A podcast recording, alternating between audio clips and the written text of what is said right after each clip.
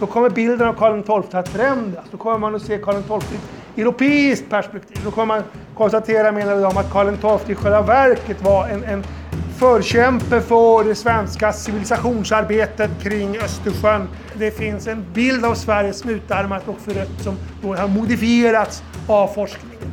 Man bestämmer 1724 att krigsmakten ska återgå till den gamla organisationen som gällde 1700. Så att egentligen inga reformer utan bara det, alla tillfälliga förband bort, alla utländska extra rekryterade förband bort och så återbesätter man de förband som hade funnits alldeles innan krigsutbrottet. Det är liksom grundkonceptet. När kriget bryter ut 1741-43 så visar det sig att flottan också har en annan fördel framför armén. Och det är att man har underhållit fartygen ganska bra. Hur har Karl XII beskrivits över tid? Hur klarade den svenska krigsmakten övergången från stora nordiska kriget till fredstid? Dessa frågor diskuteras idag av ämnesprofessor Gunnar Oselius och professor Lars Eriksson Wolke på en ljudupptagning från ett av våra många militärhistoriska seminarier som även är öppna för allmänheten. Ni kunde inte vara där, men ni kan lyssna på innehållet i detta nu. Jag heter Piotr Wawrzeniuk och är forskare och lärare vid militärhistoriska sektionen på Försvarshögskolan, tillika redaktör för vår poddserie. Välkommen! Jag kommer alltså väldigt snabbt här att prata om slutfasen av Stora Nordiska kriget och eh, uppmärksamma historiografin faktiskt och diskutera alltså historieskrivningen kring de här sista åren av det Stora Nordiska kriget och vad den säger kanske inte bara om själva situationen då, utan vad den också säger om, om historikerna och tiden när historikerna skrev. Och då är det ju så när det gäller historiografin kring Stora Nordiska kriget och Karl XII, och det här är ganska känt då, att man pratar om en, en, en gammal och en ny skola. Och den här gamla skolan brukar man beskriva då som lite grann Karl XII skeptisk. I det sista bandet av den här sista stora svenska historien som Norstedts gav ut så skriver Nils-Erik Willstrand bandet om stormaktstiden. Han beskriver Karl XII som den svenska historiens mest kontroversiella person. Eh, och det är väl inte någon orimlig beskrivning av Karl XII. Den här gamla skolan som är verksam under 1800-talet eh, är ju då kan man säga kritisk i någon mening mot kungen man beskriver Karl XII som en, en person med många ska vi säga, personligt beundransvärda egenskaper men samtidigt med ett, ett, ett lite svagt omdöme med en envishet och halsstarrighet och en person som störtar Sverige i olika olyckor.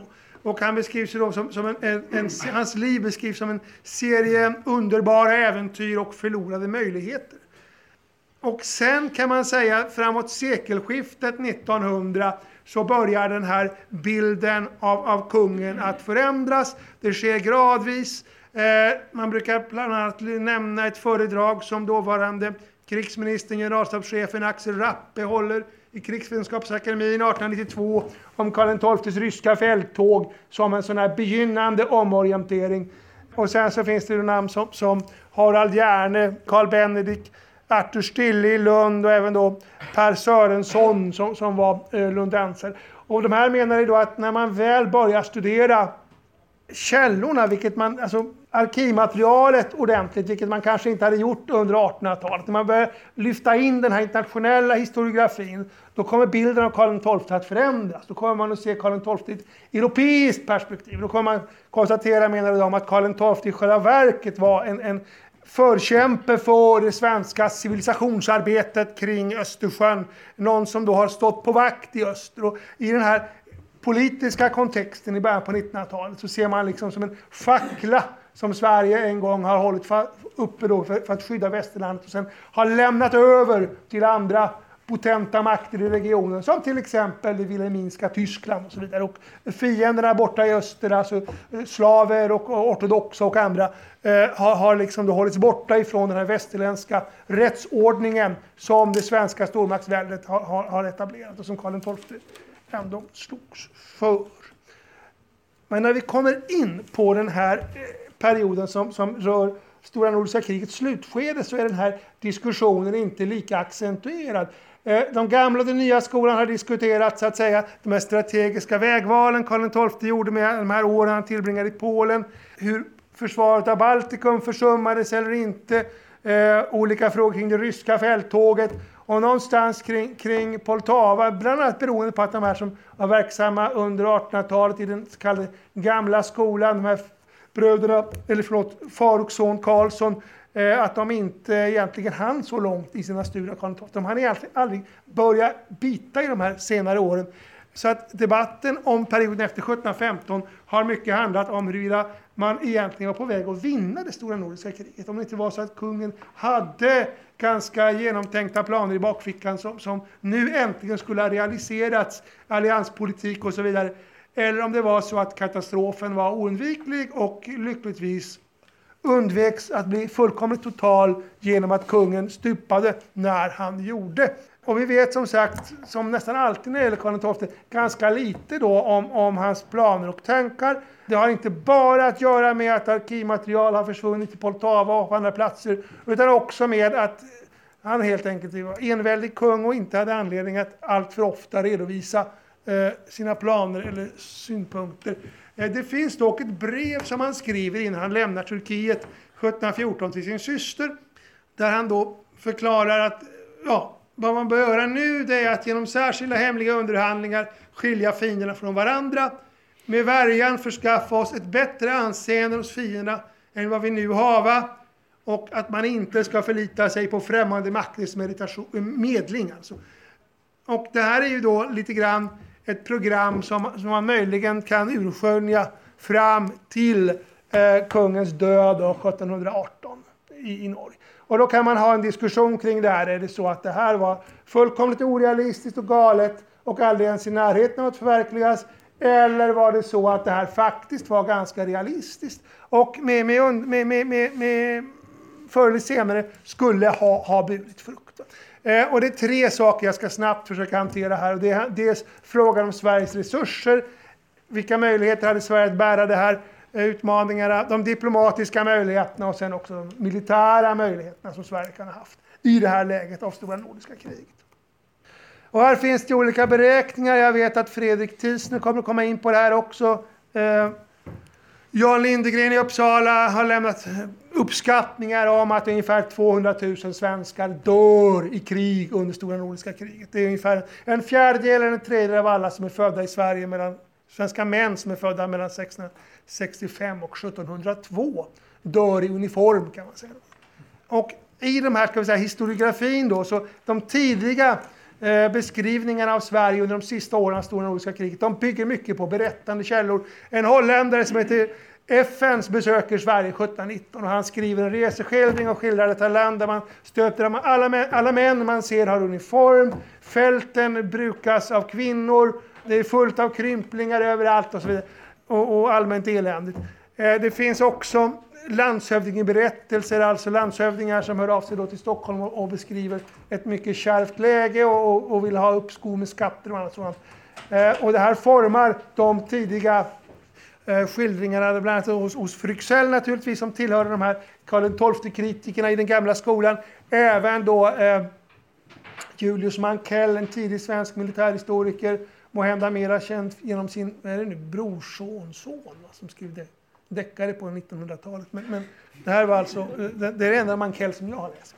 Senare, när man börjar gå in i arkivmaterialet som till exempel då Karl XII eh, entusiastiske medlemmen i den nya skolan Arthur Stille gör och börjar titta på genomsnittsåldern på de som faktiskt skrivs ut till det norska fälttåget 1718 kan man konstatera att de är inte mycket äldre Eh, eller extremt mycket yngre än medelåldern har varit tidigare under stora nordiska Så det finns uppenbarligen då reserver.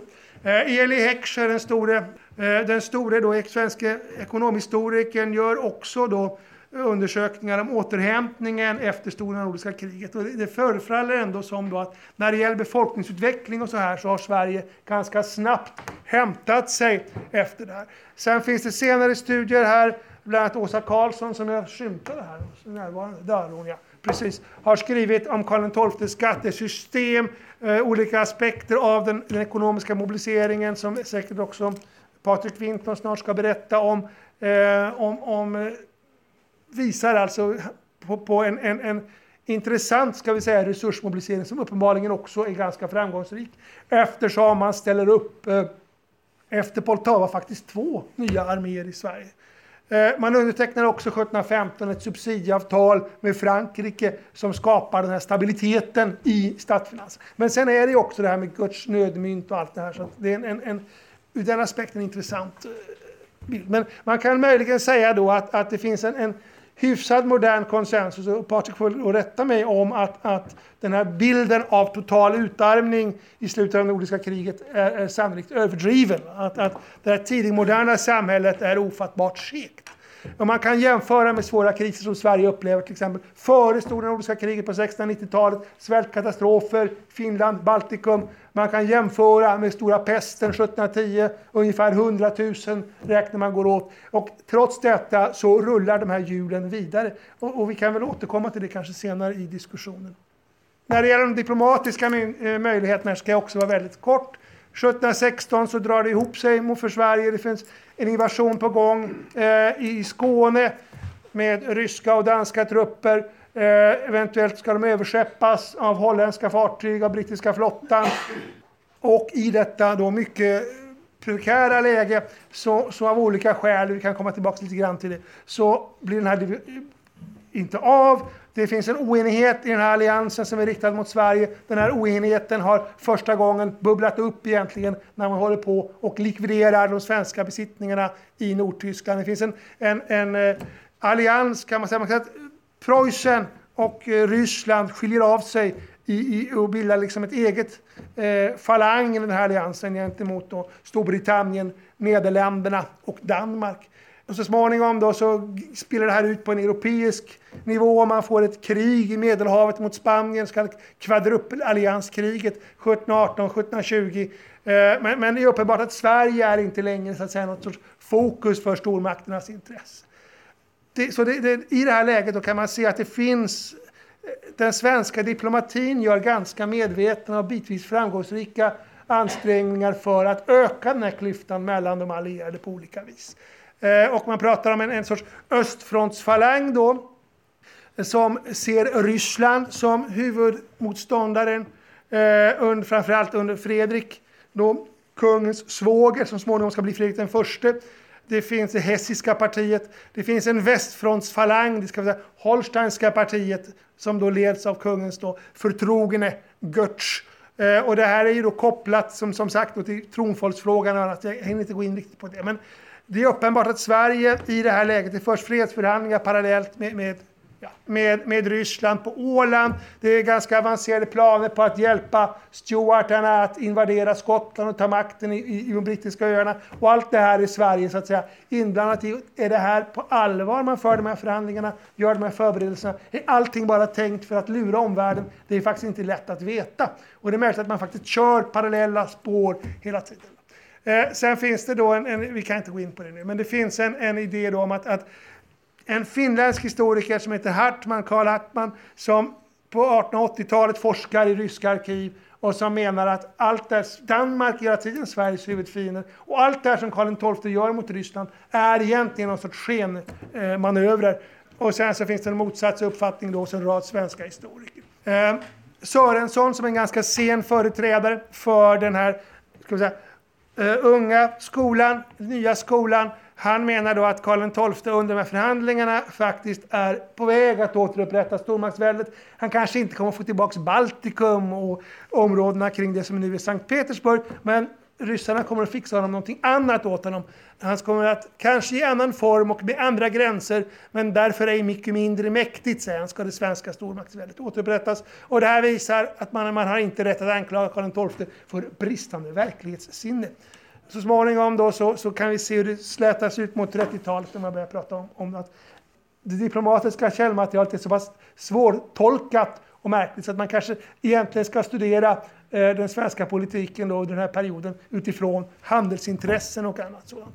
Eh, och det kanske vi kommer in på på slutet här. Men när det gäller de militära möjligheterna så hade ju då Karl Benedikt i den här nya skolan en mycket klar uppfattning om att kungen där 1716 faktiskt utför ett mer eller mindre strategiskt mirakel när han lyckas avvärja den här invasionen. Och till viss del så har Benedikt har en del starka argument faktiskt. Den här invasionen som han genomför 1716 mot Norge är egentligen tänkt som en sorts avledningsmanöver och lyckas faktiskt. Även om själva invasionen misslyckas så håller sig den danska flottan borta sen ifrån Öresund fram på sommaren och sen är det för sent alltså att göra den här invasionen på hösten. Benedikt pekar också på de här befästningarna som byggs i Skåne och han pekar också på de här ledningsreformerna som Karl XII gör i armén 1716-1718 när han bygger en sorts primitiv generalstab. I Benedikts ögon så är den inte primitiv utan den är snarare någonting som ligger långt före det som man kommer att göra i Preussen mer än hundra år senare. Eh, sen finns det andra, sådana här Gustav Peter till exempel, som eh, tillhör kan man säga, Hartmanska skolan. Idén om att det är Danmark som är huvudfienden, att det finns seriösa planer västerut och att de här invasionsförberedelserna av Skottland faktiskt är helt eh, riktiga. Det finns också i den militärhistoriska forskningen ska säga, marin opposition. Sjöofficerare har aldrig gillat Karl XII på samma sätt som arméofficerare har gjort. De menar att Karl XII har missförstått sjömakten. Sverige är egentligen en marin nation. Sveriges öden kan inte avgöras nere på de ukrainska slätterna. Eh, och, och ger man sig in på de ukrainska slätterna så förlorar man den formidabla svenska flottan som ändå fanns, som man hade kunnat göra bruk av, men som blir helt meningslös i, i, i det, på det sättet. Och att Sverige överlever 1716 menar de, är, mot alla de här sjömakterna är ren tur. Faktiskt. Om någon har påverkat det så är det möjligen då eh, flottan i Karlskrona som har fungerat avskräckande.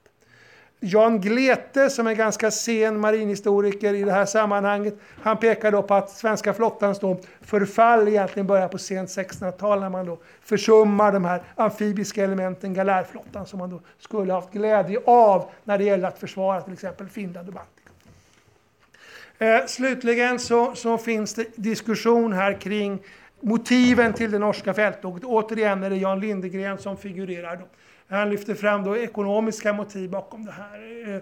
Eh, eh, och det är lite svårt att, att faktiskt belägga detta, dessa tankar hos kungen. Men alltså, sen så är det väldigt mycket svårt att belägga när det gäller Karl XII. Eh, Lindegren är också en, en, någon som har dragit fram de här väldigt avancerade logistiska förberedelserna inför det norska fälttåget. Så att sammantaget så kan man ju då säga att eh, det finns en bild av Sverige som utarmat och förött som då har modifierats av forskningen.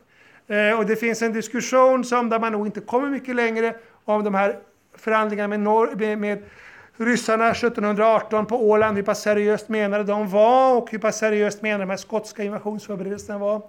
Eh, det finns en debatt om marin kontra landstrategi som man nog får säga återspeglar egentligen mer 1900-talets försvarsrivalitet än det återspeglar sättet som man tänkte kring de här frågorna på Karl XIIs tid. Den här integrationen var fullkomligt självklar. Och slutligen skulle jag vilja säga också att det moderna Sveriges småstatsidentitet förmodligen påverkar våra bedömningar av realismen i de här olika alternativen. Därför att på den här tiden så är förutsättningarna att utöva militär makt annorlunda. Och eh, resursskillnaderna mellan stormakter och småstater är inte alls lika dramatiska som de blir efter industrialiseringen. Efter Oseli presentation var det dags för Lars Eriksson Wolke att tala om den svenska krigsmaktens avveckling i stora nordiska krigets slutskede och dess övergång till fredstida förhållanden. Ja, tack för ordet. Jag ska alltså prata lite om hur man ställde om från krigstida förhållanden till fredstida förhållanden i krigsmakten. Det har ju forskats väldigt mycket om hur man gjorde resursmobiliseringen dels vid krigsutbrottet 1700 och sen, som flera har varit inne på redan, vid olika tillfällen under krigets lopp. Men hur gör man när det börjar närma sig slut, när freden kommer, eller frederna kommer, Eh, 1719 till 21. Med 21 då som den viktiga med freden mot, med Ryssland. Eh, vi har då som Fredrik Tissner har varit inne på eh, ett stort antal förband. Eh, dels inom indelningsverkets ram, dels värvade. Eh, och sen kommer alla dessa tillfälligt organiserade männingsförband, fördubblingsbåtsmän och allt vad det, det nu heter. I siffror så innebär det där då och, att vid krigsutbrottet 1700 ungefär 76 000 man. Eh, och sen kommer då de här olika förstärkningarna, stora värvningar av utländska eh, trupper, framförallt i norra Tyskland, eh, under vissa perioder under kriget. Man värvar också stora mängder båtsmän vid olika tillfällen på eh, den tyska båtsmansmarknaden, om vi får uttrycka oss så. Och eh,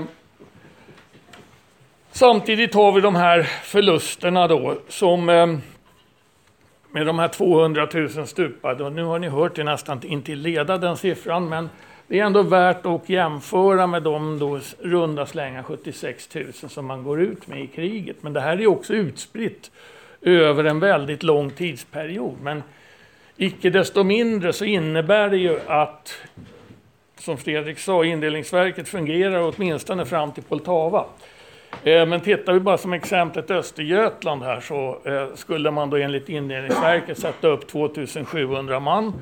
Och med då diverse tillskott av männingssoldater och extra båtsmän och så, så landar man över 10 000 bara för Östergötland som ett räkneexempel. Men som sagt, det är utspritt över en stor tidsperiod, också nästan en generation. Så att eh, den här frågan som eh, inte minst Gunnar var inne på, bland annat hur pass nedgånget var Sverige och i detta fallet krigsmakten vid krigsslutet, inte alldeles enkel att svara på. Men man kan ju titta, och sen, om vi då tittar på ekonomin, den påverkar ju förmågan hos krigsmakten. Och om vi tittar på Finland, så den finska delen av armén, inte den finska armén, för någon sån fanns ju inte, utan de trupper som fanns eh, Eh, och var tänkt att operera i Finland och Ingermanland. Eh, här kan vi se vad de beräknas kosta mellan en halv miljon, från en halv miljon och uppåt daler silvermynt om året i krigstid. Och eh, inkomsterna, anslagen, kan ni se vissa år 1703, 1706 så ligger de ju inte i närheten av vad man behöver, men de ligger ändå relativt högt. Men sen kommer då stora ofreden, ryska ockupationen av södra Finland 1713 och då försvinner ju i stort sett alla inkomster från Finland. Eh, och eh, dessutom får man egentligen inga tillskott från Stockholm som man har fått tidigare. Och då stryps ju pengarna. Så rent ekonomiskt skulle finska armén sluta föra krig någonstans eh, på vårkanten 1713 eller de trupper som var kvar i Finland. Om man bara ser försör ekonomiskt försörjningsmässigt. Nu gjorde man ju inte det som bekant och i början på 1714 så kommer då slaget vid Storkyrå som blev ett nederlag men som ju var den sista kraftansträngningen i Finland under, under kriget. Och då var ju den ekonomiska situationen akut och det hade den varit ganska länge. De flesta hade inte fått sina löner på flera år.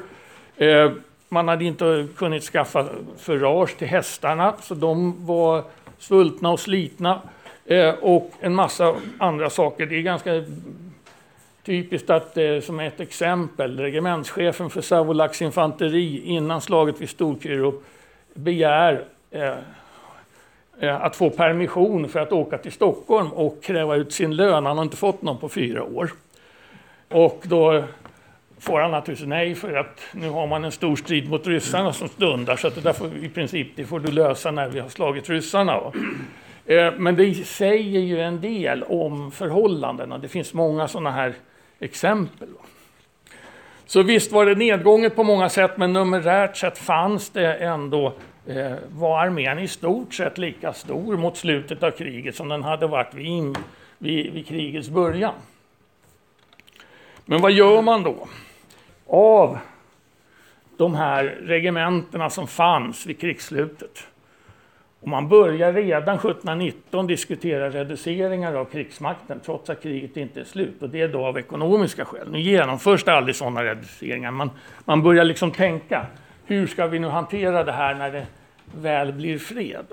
Så att eh, man räknar med att vid krigsslutet fanns ungefär 70 regementen i svenska armén.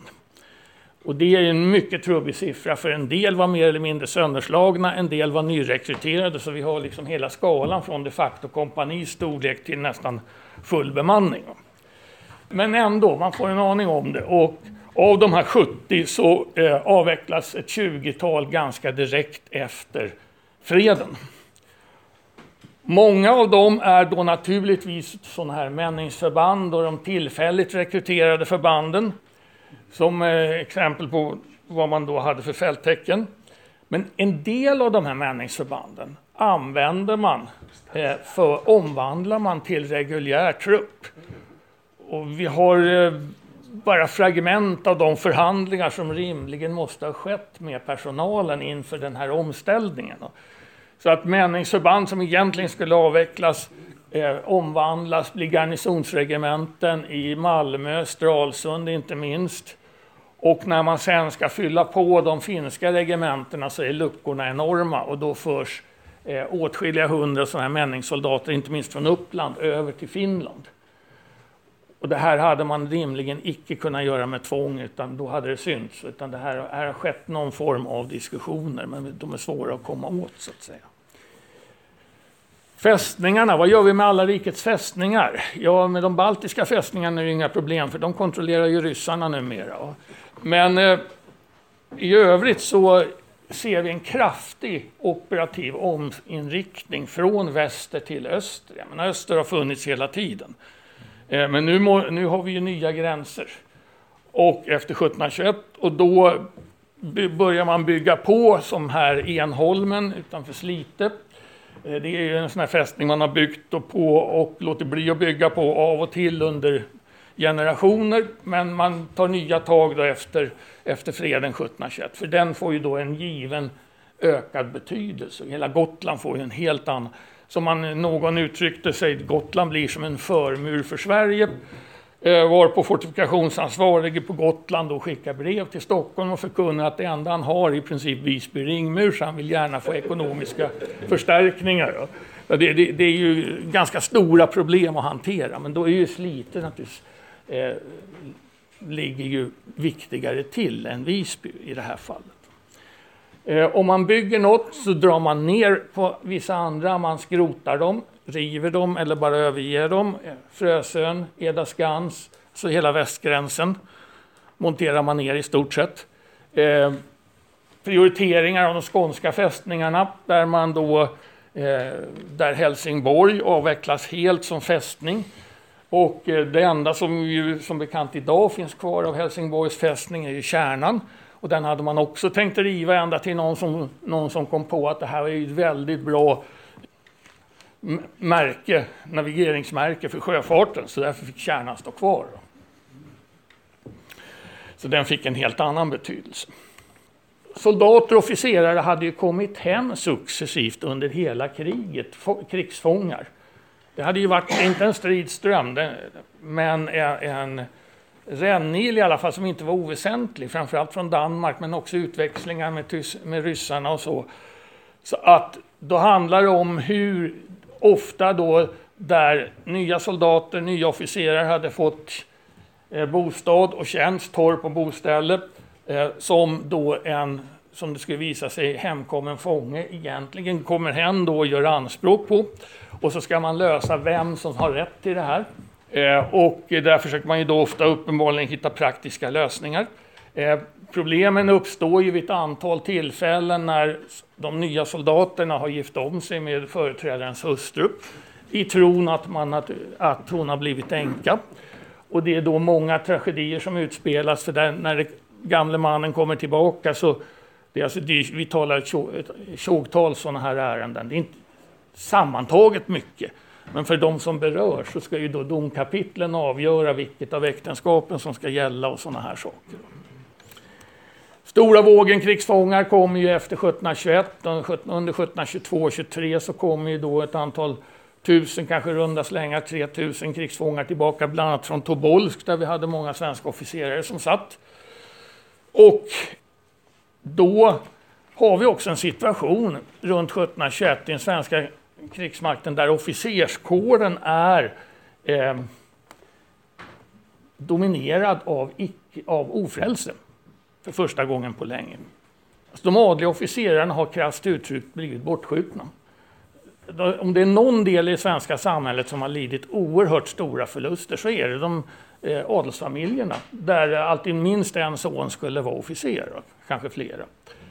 Och eh, det dröjer fram till ungefär 1750-talet innan officerskåren återigen domineras av adliga officerare. Det tar liksom en genera generation innan man gör någon form av återhämtning. Så den här typen av avvägningar, man har flera statliga kommissioner om, om hur man ska ta hand om krigsfångar, vilka som har rätt till eh, eh, tjänsterna, vem som har rätt till pension. Eh, hur ska man då finansiera pensionerna? Man löser naturligtvis, höll jag på att säga, att inom ram som det brukar heta, eh, har man då en, eh, ett överskott på 20-30 procent av officerskåren på ungefär, i stort sett alla regementen. Man bestämmer att, eh, och det är av rent försörjningstekniska skäl, Eh, man bestämmer 1724 att krigsmakten ska återgå till den gamla organisationen som gällde 1700. Så att egentligen inga reformer, utan bara det. Alla tillfälliga förband bort, alla utländska extra rekryterade förband bort. Och så återbesätter man de förband som hade funnits alldeles innan krigsutbrottet. Det är liksom grundkonceptet. Börjar man titta närmare på så, så kan man se att eh, det är stora brister vad gäller uniformeringen. Alltså kläderna är slitna. Och det är ju inget konstigt med det. Och man får ytterst sällan, undantag finns, men förbanden får ytterst sällan nyuniformeringar. Utan bohuslänningarna får ett par strö nya strumpor, jämtarna får ett par nya skor, de får en hatt, de får en halsduk och så vidare. Det, det man får ihop pengar till. Man, man lappar och lagar bokstavligt talat. Så det tar ett bra tag innan Eh, Eh, förbanden och ett bra tag, då talar jag om in slutet 1720-talet, början på 1730-talet innan armén är fullt eh, nyekiperad så att säga med uniformer som inte är alltför slitna. Och sen det kanske viktigaste, övningarna. Tidigare har man ju då haft kompaniövningar väldigt flitigt under Karl XIIs tid, eller Karl XIs tid. De ställer man in i princip av ekonomiska skäl under 1720-talet. Spara på övningar är ju inget originellt inom försvaret. Eh, men det här får ju då den konsekvensen att när man sen möts på övningshedarna så har ju de regementsövningarna alltid varit avsedda för bataljonsövningar. Och bataljonen är ju liksom den taktiska enheten på slagfältet. Nu kan man inte börja med det när killarna kommer in på övningsheden, utan man får börja med det som egentligen skulle ha lösts på kompaninivå. De grundläggande färdigheterna.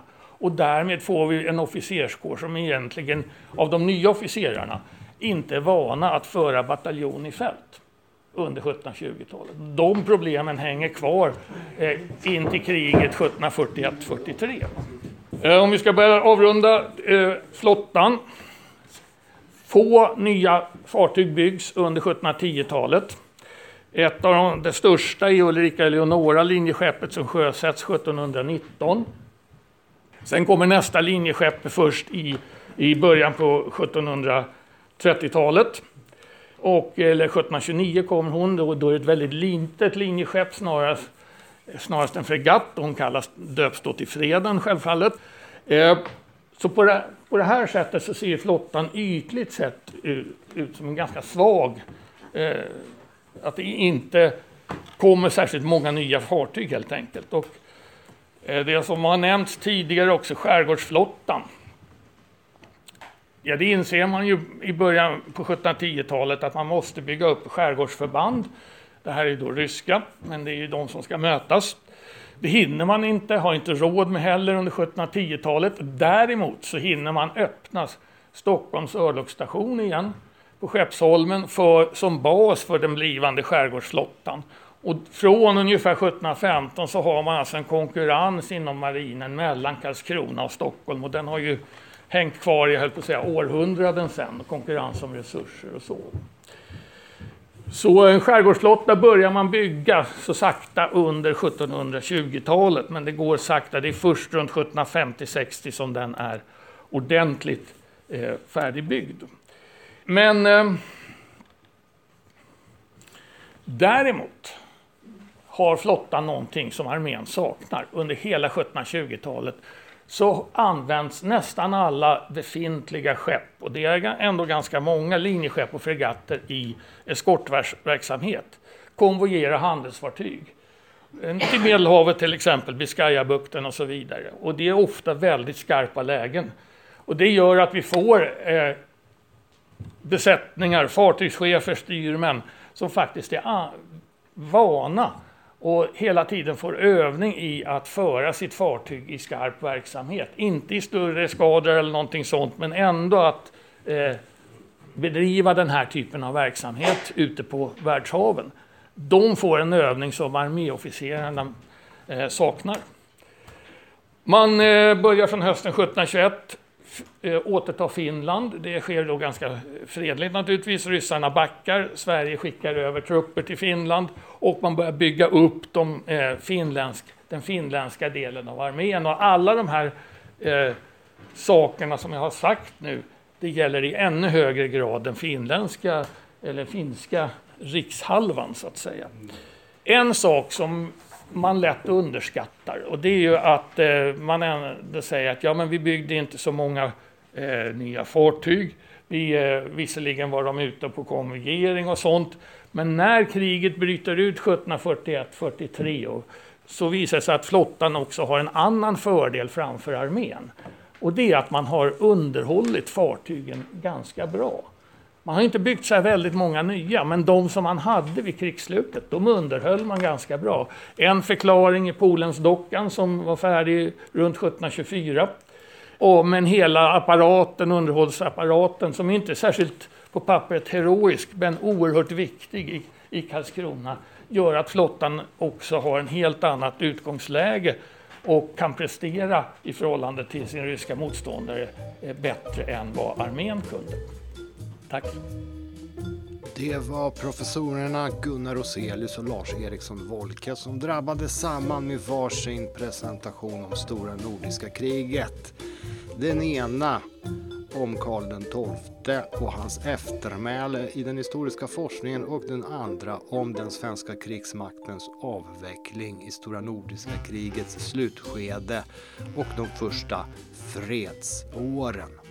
Det var allt för denna gång från Militärhistoria på Försvarshögskolan. Anständigheten påbjuder att vi nu avslutar podden. Vi tackar så mycket för uppmärksamheten och säger på återhörande i den mörka cyberrymden.